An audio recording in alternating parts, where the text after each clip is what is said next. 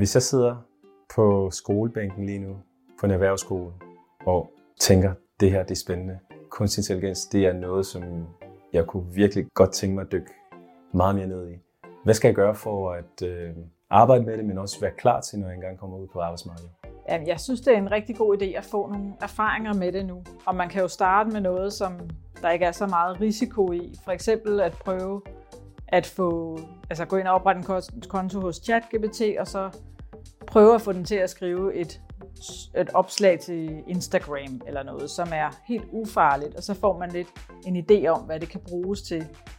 Og så kan man sådan stille og roligt se, nå okay, hvis jeg skriver det her, så gør den sådan her, og, og så ligesom blive dygtig til det, fordi når man så kommer ud senere hen, så kan det jo være, at ens chef siger, kan du ikke lige lave en spørgeskemaundersøgelse, og det kan man jo godt bruge ChatGPT til.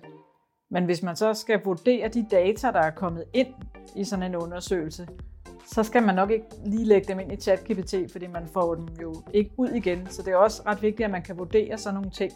Men helt klart, jeg er kommet ud og få nogle erfaringer med det nu.